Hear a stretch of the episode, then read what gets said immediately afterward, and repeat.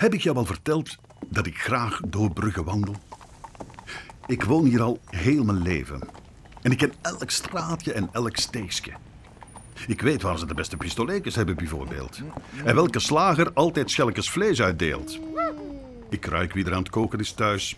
En ik weet ook waar er iemand vaak piano speelt. Elk hoekje en bankje heeft zijn herinneringen. Op die speeltuin viel mijn eerste kleindochter van de schommel. En op dat bankje zat ik met Marie vaak naar de zwanen te kijken. In dat straatje moet je bij nummer 34 even recht staan op je fiets voor dat putje in de weg. En als je die hoek omdraait, dan zie je ineens de toren van het Belfort. ah, dat geeft mij een rustig gevoel. Een vertrouwd gevoel. Brugge is er altijd. En haar straatjes en steegjes ook. En de huizen en de parken en de torens. Eigenlijk is de stad een soort van stilgevallen toneel.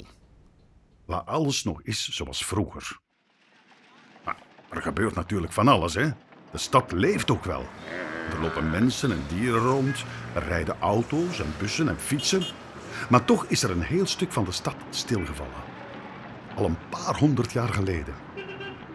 Want veel gebouwen staan hier nog altijd zoals toen.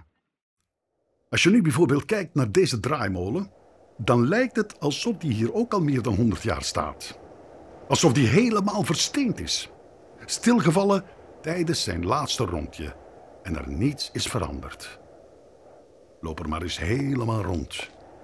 En bekijk alles maar eens heel goed. Wat zie je allemaal? Dingen die thuis horen op een draaimolen? Of zit er misschien ook iets vreemds tussen? Iets dat je niet kent? Dingen die je al wel eens gezien hebt in een gekke droom bijvoorbeeld. Eigenlijk kijken wij naar de droom van de kunstenaar Hans op de Beek. Die droomt wel vaker in het grijs, denk ik.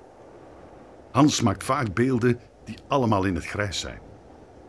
Zo heeft hij al eens een prachtige kamer nagemaakt met zetels en een boekenkast en zelfs met een hond die op een tapijt ligt.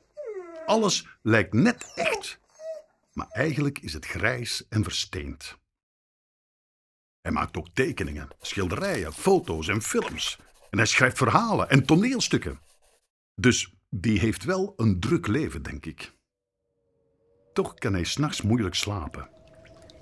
En wanneer hij dan niet kan slapen en het buiten donker en grijs is, dan gaat hij in zijn kunstenaarsatelier werken. Zie jij in welke richting de draaimolen zou draaien? Alsof hij elk moment zou kunnen beginnen. Met zo'n muziekje dat erbij hoort. En met paarden die op en neer gaan. En met een flos die je moet vangen. Maar de draaimolen staat stil. Voor altijd. Versteend. Vergrijsd. Een beetje zoals ik, hè? Straf eigenlijk dat mijn ekster, tante Marie, nooit grijs zal worden. Weet jij welke kleuren een ekster heeft? Een ekster is zwart met wit, maar wanneer de zon op haar veren schijnt, dan kan je ook blauw en paars en donkergroen zien. Heel mooi. Die gaat gelukkig niet rap verstenen.